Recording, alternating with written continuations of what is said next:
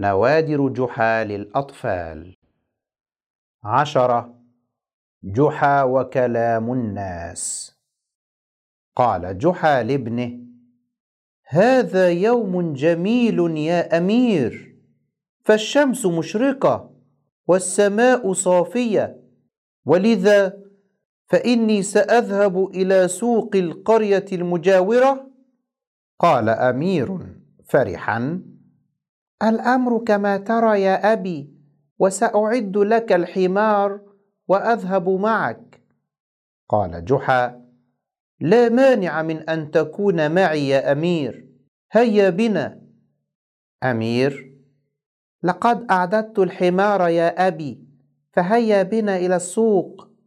قال جحا هيا يا أمير اركب أنت الحمار وسأسير أنا.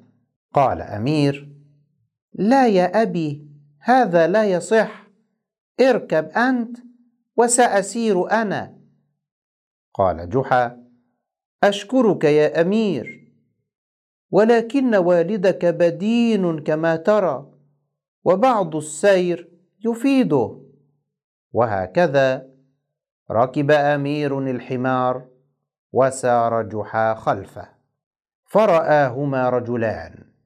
وقال أحدهما للآخر انظر كيف يركب الغلام ويترك والده المسكين الذي رباه يسير على قدميه فما أسوأ هذا الأدب؟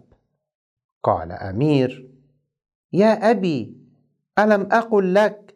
تفضل أنت بالركوب وسأسير أنا. فركب جحا الحمار. فقابلتهما جماعة.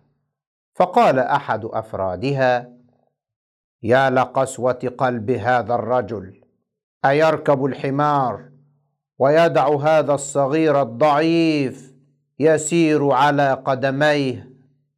توقف جحا بالحمار قائلا ماذا نفعل لنرتاح من ألسنة الناس؟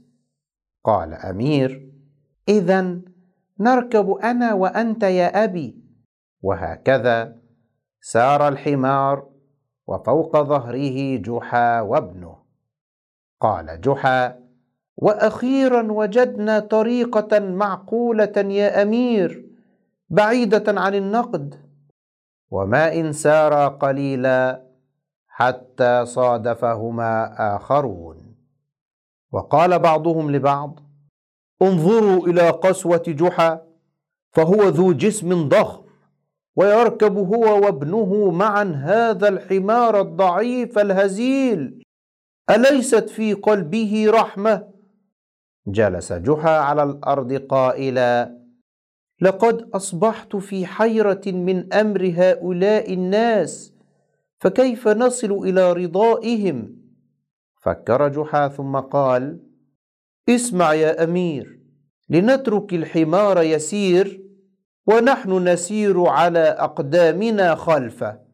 فصادفتهما جماعة من الناس فقالوا انظروا إلى هذين الأحمقين اللذين يسيران على أقدامهما في هذا الحر اللافح والغبار المتكاثف دون أن يركب الحمار واحد منهما حمل جحا الحمار وقال ما رأيك يا أمير في هذا التصرف؟ لنترقب ماذا يقول الناس الآن فقد يرضيهم ذلك.